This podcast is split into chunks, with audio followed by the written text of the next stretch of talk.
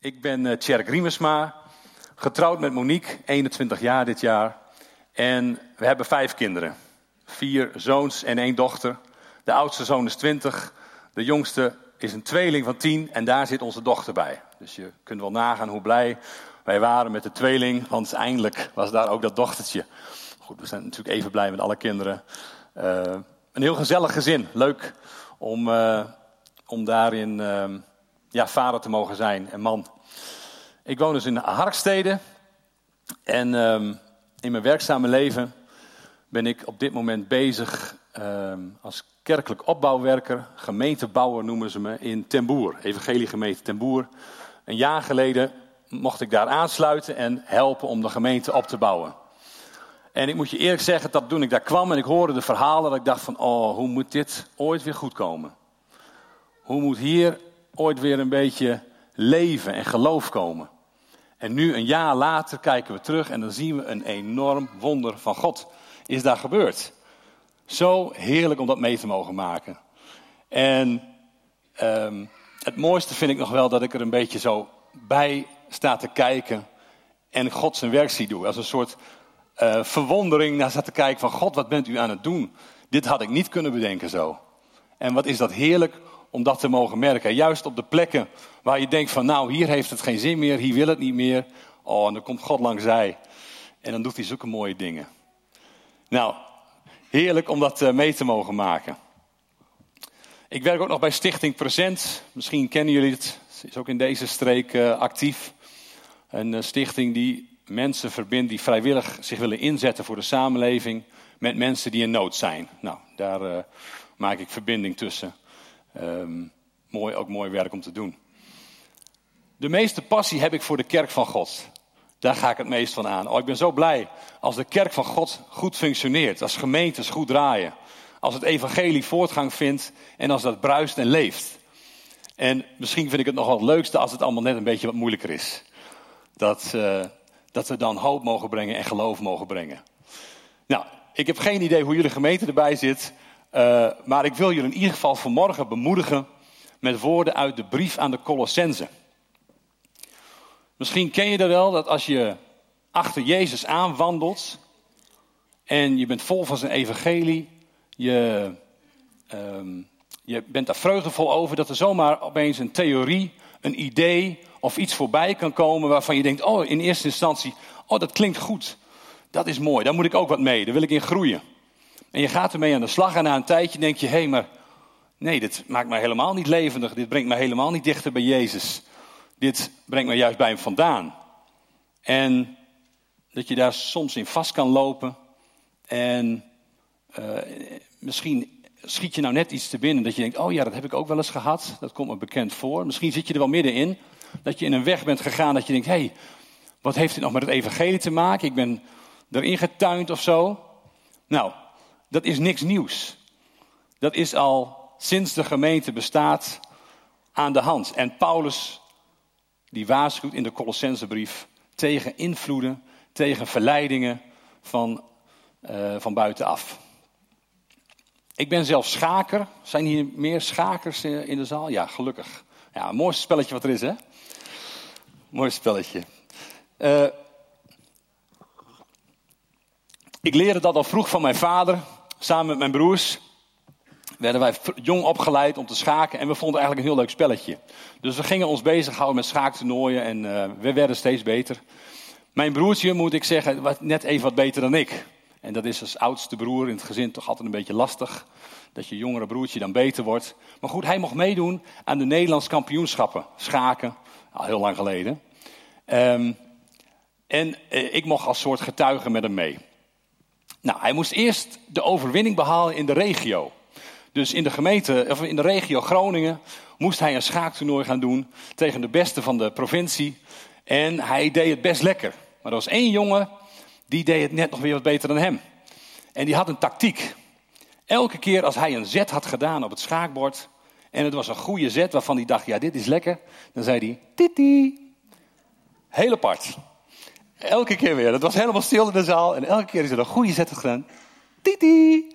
Nou, mijn broertje, die was heel rustig en bedeesd en die hield zich heel stil.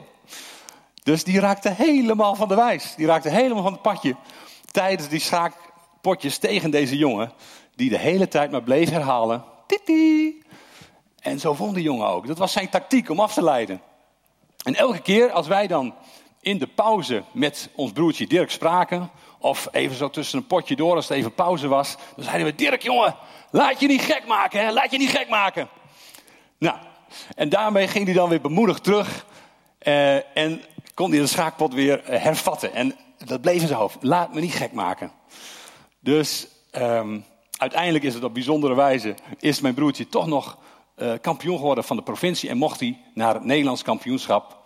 waar hij twaalfde werd van de dertien. Nou ja, beetje jammer. Maar het gaat me even om dat hij in die strijd was op dat schaakbord... en dat hij afgeleid werd door dat titi. Ook wij zijn in de strijd verwikkeld. Het evangelie van Jezus Christus hebben we omarmd en hebben we een opdracht ingekregen om dat over de hele wereld, hebben we net gehoord, om het heil over de hele wereld te verspreiden. Maar er is een tegenstander die de hele tijd titi tegen ons zegt. Die ons af probeert te leiden met allerlei gekkigheid. Laat je niet gek maken. En dat is nou juist wat Paulus ook zegt tegen de gemeente in Colosse.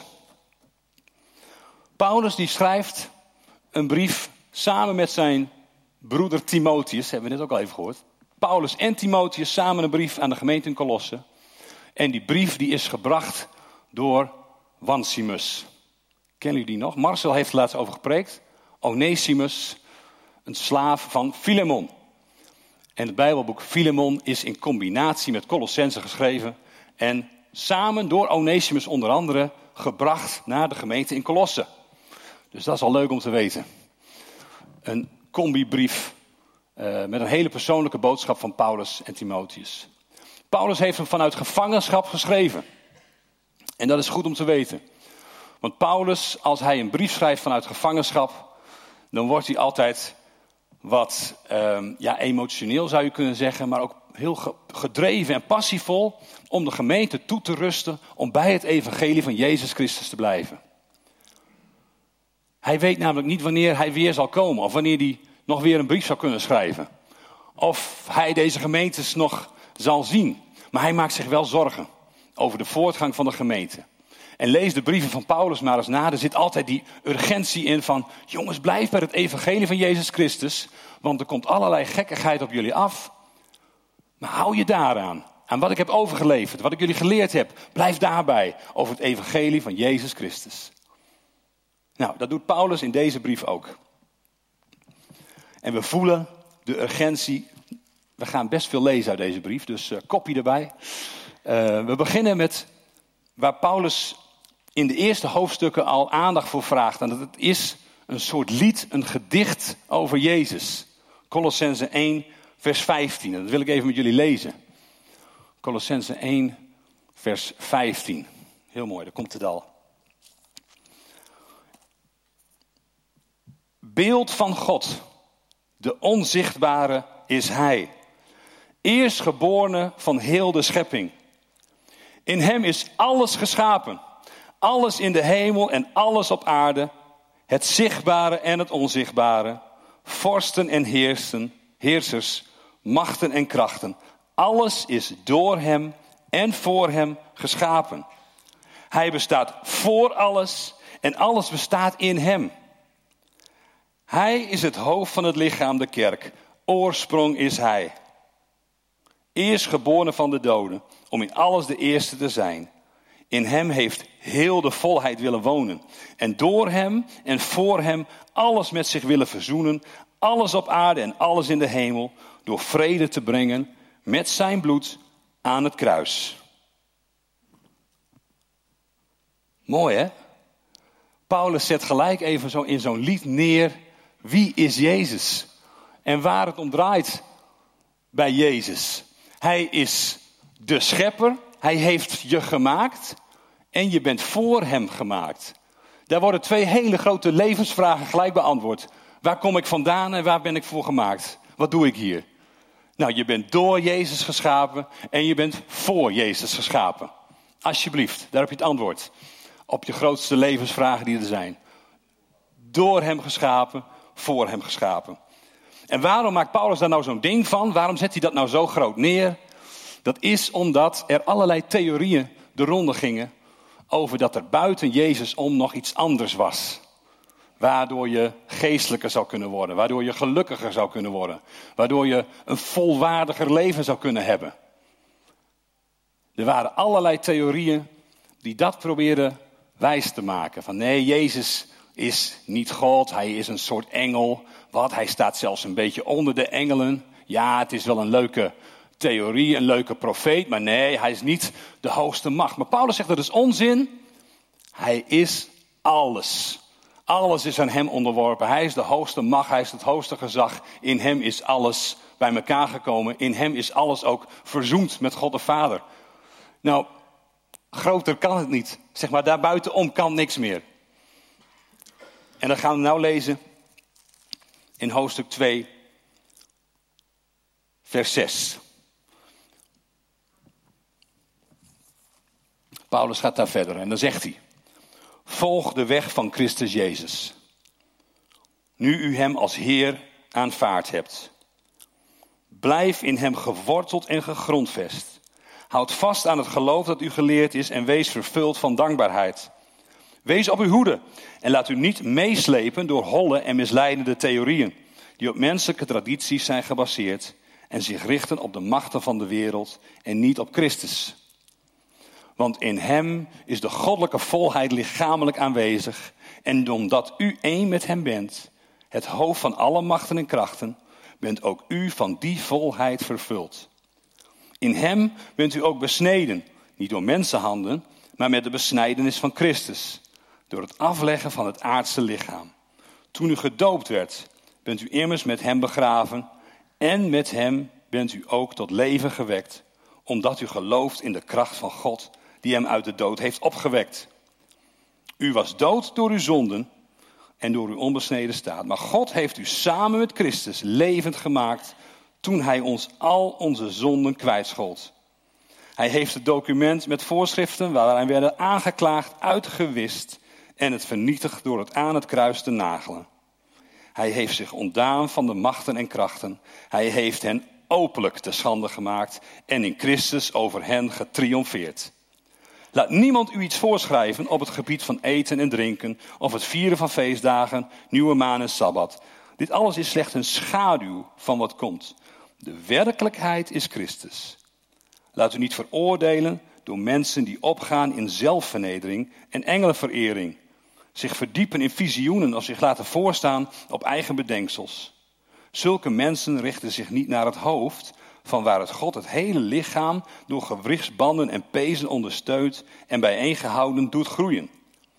Als u met Christus dood bent voor de machten van de wereld, waarom laat u zich dan nog geboden opleggen als u nog in de wereld leeft? Raak dit niet aan, proef dat niet, blijf daarvan af. Het zijn menselijke voorschriften en principes over zaken die door het gebruik vergaan. Dat moet allemaal voor wijsheid doorgaan, maar het is zelfbedachte godsdienst, zelfvernedering en verachting van het lichaam. Het heeft geen enkele waarde en dient alleen maar tot eigen bevrediging. Als u nu met Christus uit de dood bent opgewekt, streef dan naar wat boven is, waar Christus zit aan de rechterhand van God. Richt u op wat boven is, niet wat op aarde is. U bent immers gestorven en uw leven ligt met Christus verborgen in God. En wanneer Christus uw leven verschijnt, zult ook u samen met hem in, in luister verschijnen.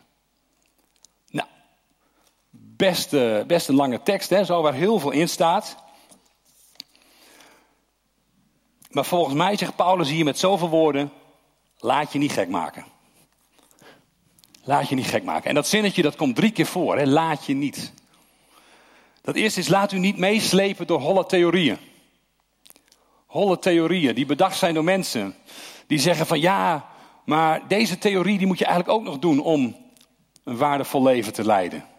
Of om nog geestelijker te worden. Om God nog iets beter te begrijpen. Deze theorie, ja, die moet je ook nog omarmen, deze filosofie. En om even een voorbeeldje te noemen, eh, op dit moment is manifesteren heel hot. manifesteren hoor je overal. Ja, en als je dan de dingen maar uitspreekt en de energieën zo kanaliseert, oh, dan kun je alles voor elkaar krijgen. Nou, het is buiten Christus om.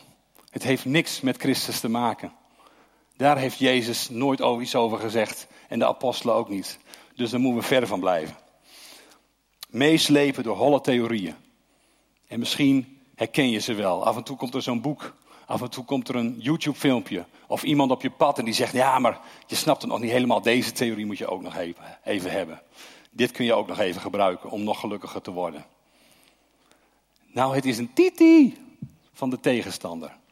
Die je probeert af te leiden van waar het om gaat. In Christus is alles bij elkaar gekomen. In Christus is alle volheid. Verderop staat, laat u niemand u iets voorschrijven. Laat niemand u iets voorschrijven. En dat worden er wat voorbeelden genoemd over dingen die je nog zou moeten doen. Nou, in die tijd was het heel gewoon dat mensen nog even zeiden: ja, maar je moet je eigenlijk ook nog laten besnijden. Want anders ben je niet helemaal volwaardig christen. Anders hoor je er nog niet helemaal bij. Nou, Paulus zegt nou, in Christus ben je al besneden. Namelijk van je hart. En daar gaat het om. Als je Christus hebt, dan is het oké. Je hoeft je niet zulke dingen te laten voorschrijven. Nou, en vul zelf maar in. er staan nog wat andere voorbeelden. Je voelt dat wel eens dat mensen dan tegen je zeggen: Ja, maar kijk maar, dit en dit moet je eigenlijk ook nog doen. Je iets voor laten schrijven. En Paulus zegt dat moet je niet doen. Laat je niks voorschrijven. Ga geen pad op wat buiten Christus om nog iets van heil brengt of zo. En daarna staat er dan gelijk, laat u niet veroordelen. Door mensen staat er dan die engelen vereren en die met visioenen bezig zijn. En misschien herken je het wel, dat als je soms eens iemand tegenkomt en die heeft prachtige dingen gezien of gehoord, of een theorie waarvan je dacht, hé, maar dat ken ik helemaal niet, oh, maar dat wil ik eigenlijk ook. Maar dat je in dat verhaal ook voelt van, oh ja, maar ik heb dat niet. Ik hoor daar niet bij. Ik ben niet zo vroom of ik ben niet zo heilig of zo gezegend met allerlei openbaring van God. Ik val daar een beetje buiten. Die veroordeling die je dan voelt. Zegt Paulus, dat moet je niet laten gebeuren. Laat je niet veroordelen. Door mensen die zich op die manier een beetje verheffen. Die eigenlijk zeggen, ja, ik zit in een select, gezelschap. Ik heb net wat meer openbaring ontvangen dan jij. Jij hoort er niet helemaal bij. Laat je niet veroordelen. Dus die dringen laat je niet door holle theorieën meevoeren. Als een titi van de duivel. En laat je niks opleggen wat Jezus je niet oplegt. En laat je ook niet veroordelen. Want Paulus zegt ervan, ja, zulke mensen, die zijn alleen maar bezig met hunzelf, met hun eigen begeerte. En dat staat tegenover de mensen die bezig zijn met de opbouw van de gemeente. Die resoneren met het hart van God, die liefde heeft voor de gemeente, die hem graag wil laten groeien. En dat staat er dan ook, hè? Paulus zegt, deze mensen die zijn niet bezig met het hoofd, waarin alles bij elkaar komt. En waar hij het lichaam door dat groeien, door bemoediging, door goede woorden te spreken, door elkaar te bemoedigen van ja, jij hoort erbij, God houdt van jij, jij bent een kind van God. Dit zijn mensen die zeggen nee, je bent er nog niet helemaal bij. Het geeft juist verwijdering. Nou, Paulus waarschuwt daarvoor. Laat je daar niet mee in. Dus de verantwoordelijkheid ligt bij jou als individu. Laat je niet in met zulke dingen. Laat je niet gek maken. Nou, dat is mooi. Dan hebben we vastgesteld wat we niet moeten doen. Ons niet gek laten maken, maar wat moeten we dan wel? Nou, daar begon de tekst mee. Prachtige woorden. Daar staat: Volg de weg van Christus Jezus. Nu u hem als uw Heer aanvaard hebt. Volg de weg van Jezus, nu u hem als uw Heer aanvaard hebt. Nou, Paulus gaat er maar even vanuit dat u hem als Heer hebt aanvaard. Hè, die gemeente in Colosse. Maar die vraag, daar wil ik wel even bij stilstaan. Hebt u hem daadwerkelijk als uw Heer aanvaard? Heb je er wel eens over nagedacht? Heb ik hem als Heer aanvaard? Mag hij de eindbaas zijn in mijn leven? Mag hij het echt voor het zeggen hebben? En wat de cultuur, de tijdsgeest ons een beetje wijs maakt, heb ik het idee, dat zal niet voor iedereen gelden, maar dat zweeft zo een beetje boven de markt, zeg maar, is dat de tijdsgeest ons vertelt, ja, wij zijn mensen die alles naar onze hand kunnen zetten. We hebben een maakbare samenleving. En dat kan zomaar voortvloeien in ons geloof. Dat we een soort maakbaar geloof krijgen. Dat Jezus niet de heerser is die boven alle machten en krachten staat, maar dat hij een soort middel in mijn broekzak is die ik tevoorschijn kan halen als ik obstakels tegenkom in mijn leven naar mijn geluk, naar de dingen die ik graag wil hebben. En ik zet Jezus dan in als een soort ja, middel om, maar, om over een obstakel heen te komen en te jagen naar het geluk wat voor mij ligt, wat eigenlijk mijn begeerte voedt, maar niet doet wat Jezus wil. Ik hoop dat je een beetje voelt wat ik bedoel. Dat kan zomaar ook in ons geloofsleven binnensluipen. En dan is niet Jezus meer onze Heer, maar dan zijn we zelf onze Heer geworden met Jezus naast ons. Van nou, Heer, doet u maar even wat ik graag wil. Maar het moet andersom zijn. Heer, wilt u mijn Heer zijn? Wilt u de eindbaas zijn over mijn leven? Ik wil mij aan u toewijden. Alles wat ik zelf bedacht heb, alles wat ik zelf voor elkaar probeer te boksen, ik stop daarmee. En ik leg het neer voor u. En misschien heb je op dit moment wel het idee van, hé, hey, ja, dat zou zomaar voor mij kunnen zijn. Dat ik me daar weer in om mag keren. Misschien wel voor het eerst mag zeggen vandaag, Jezus, ik wil graag dat u mijn Heer wordt, mijn eindbaas, degene die zeggenschap mag hebben over mijn leven, hoe ik het moet leven. En misschien denk je wel, hé, hey, ik ben dat een beetje kwijtgeraakt. Ik ben al heel lang christen. Ik heb dat ooit eens gezegd, maar ik heb Jezus vandaar naar mijn broekzak verhuisd. Voor beide partijen wil ik graag nu bidden. En misschien kun je met mij je handen openen en met mij in gebed gaan. Als het voor jou is, weet je, dan bid je mee. En als het voor een ander is, als het niet voor jou is, dan prima, dan ook goed. Maar ik wil daar nu gelegenheid voor geven om daarvoor te bidden. Heer Jezus, ik wil bidden voor die mensen die op dit moment zeggen: Ja, ik heb alles al geprobeerd, ik heb elk pad al geprobeerd, maar ik loop erin vast. Heer Jezus, wilt u mijn Heer worden? En open dan je handen en bid met me mee. Heer Jezus, wilt u mijn hart vullen? Ik wil u volgen. Ik wil van u leren. En help mij om op die weg te gaan. In Jezus' naam. En voor die mensen die zeggen vandaag, ja, ik heb inderdaad God, de Jezus die boven alle macht en krachten staat, in mijn broekzak proberen te stoppen. Maar vandaag maak ik een keus en wil ik mij onderwerpen aan zijn wil. Ik wil zeggen, Heer Jezus, wilt u weer op die positie gaan staan waar u hoort? Namelijk boven alle machten en krachten.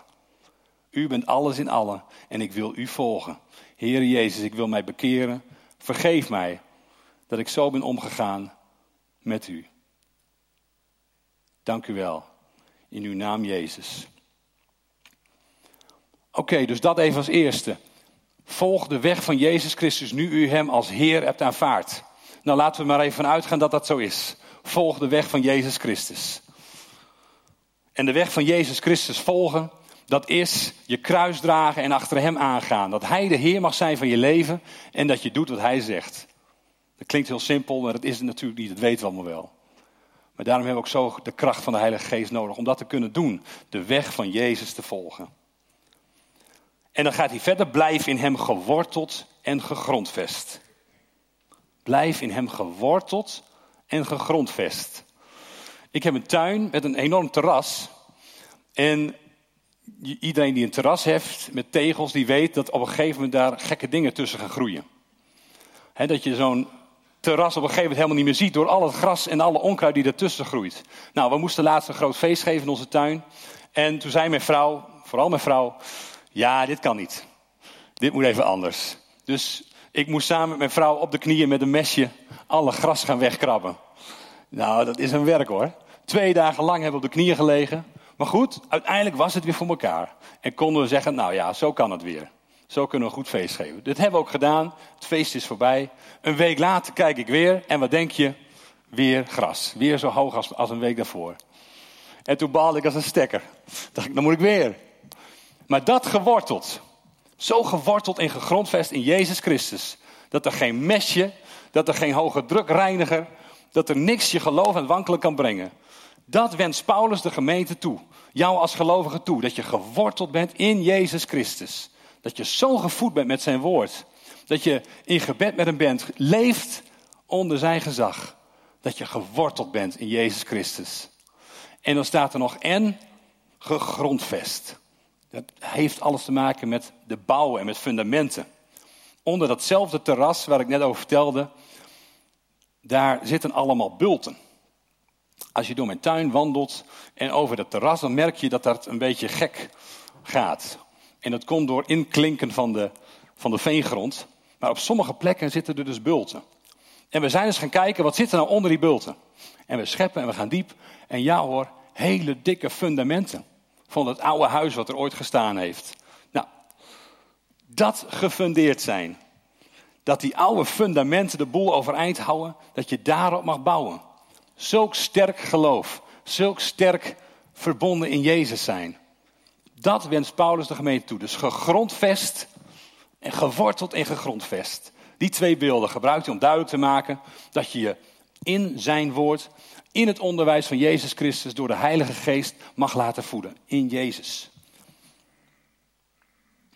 Dat is belangrijk.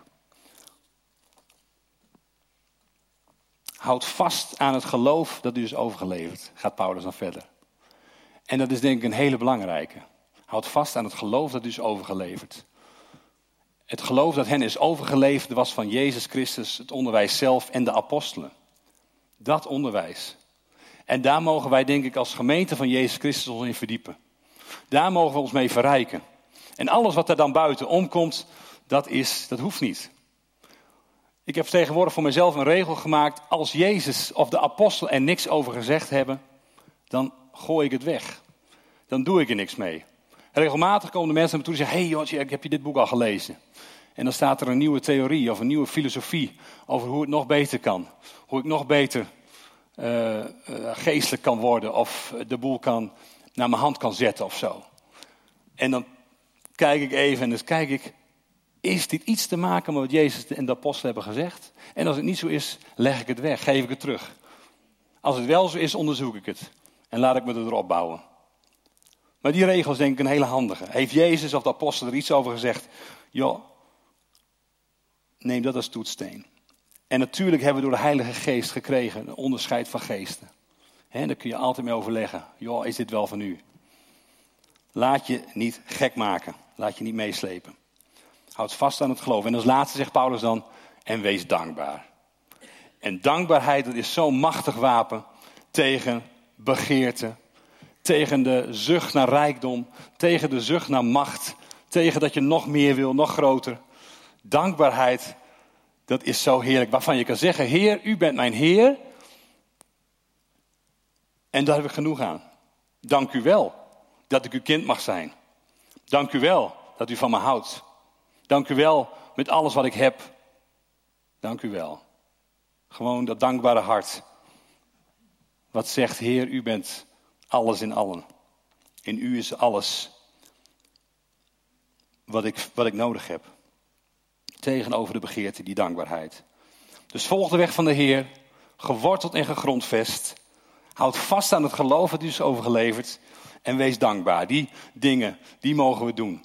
Om te blijven bij dat evangelie van Jezus Christus. Bij Jezus zelf. En ik wil afsluiten met die prachtige woorden die we gelezen hebben in vers 9. Daar staat, want in hem, Jezus Christus, is de goddelijke volheid lichamelijk aanwezig. En omdat u één bent met hem, het hoofd van alle machten en krachten, bent ook u van die volheid vervuld. Ik vind het zo'n machtige tekst. Ongelooflijk, laat dat eens even tot je doordringen. Want in hem, Jezus Christus, is de goddelijke volheid. Dus alles wat goddelijk is, groter kan het niet. De goddelijke volheid is in hem lichamelijk aanwezig. En omdat u één met hem bent, het hoofd van alle macht en krachten, bent ook u van die volheid vervuld. De goddelijke volheid is in Jezus Christus. Willen jullie dat mij eens nazeggen? De goddelijke volheid is in Jezus Christus. De goddelijke volheid is in Jezus Christus. En nu de volgende zin. Die volheid is ook in mij. Die volheid is ook in mij. Die volheid is ook in mij. En dan wordt het nog leuker. Je mag het ook even tegen je buurman zeggen. Die volheid is ook in jou. Die volheid is ook in jou. Is dat mooi of niet? Ik las dat het, dat het of dat, dat dat nog steeds is, uh, versterken van verbinding. Nou, een sterkere verbinding is er niet dat je mag beseffen, wij zitten allemaal in dat lichaam van Christus, verbonden onder dat ene hoofd. En de volheid die in dat hoofd is, de volheid, is ook in mij, is ook in jou, is in ons samen. Wij samen zijn gevuld met de goddelijke volheid van Christus. Op deze plek in Loppersum, waardevol leven, van waar dat door de hele wereld, over de hele wereld gebracht mag worden. Te beginnen bij je buurman of in je huis of waar dan ook. Supermooi. Ik hoop dat ik door deze woorden van Paulus je bemoedigd heb om te blijven bij dat evangelie van Jezus Christus. Er geen gekkigheid buitenom te gaan doen. Laat je niet gek maken, maar blijf geworteld en gegrondvest in het onderwijs van Jezus Christus. Blijf in Hem. Amen. Zal ik bidden? Vader God, dank u wel. Dat u ons zo bepaalt vanmorgen bij dat alles in u bij elkaar komt. Dat u alles bent wat we nodig hebben. U bent de schepper en u bent alles in allen. Dank u wel, Heer, dat u zich aan ons wil openbaren vanmorgen. Als alles wat we nodig hebben. En Heer, dank u wel dat u onze Heer wil zijn, ons wil helpen om op die weg te blijven, om gegrondvest en geworteld te blijven in u. Om dat onderwijs van u ons eigen te maken en om daarin te leren. Heer, vul ons met uw geest, vul ons met uw woord. Dat we daarin mogen groeien als gemeente. Steeds dichter naar elkaar toe, dichter naar u toe, omdat u in ons bent. De goddelijke volheid in een ieder van ons. Heer, dat dat besef mag indalen. Dat we dat mogen geloven en daarvan uit mogen leven. In uw naam, Jezus. Amen.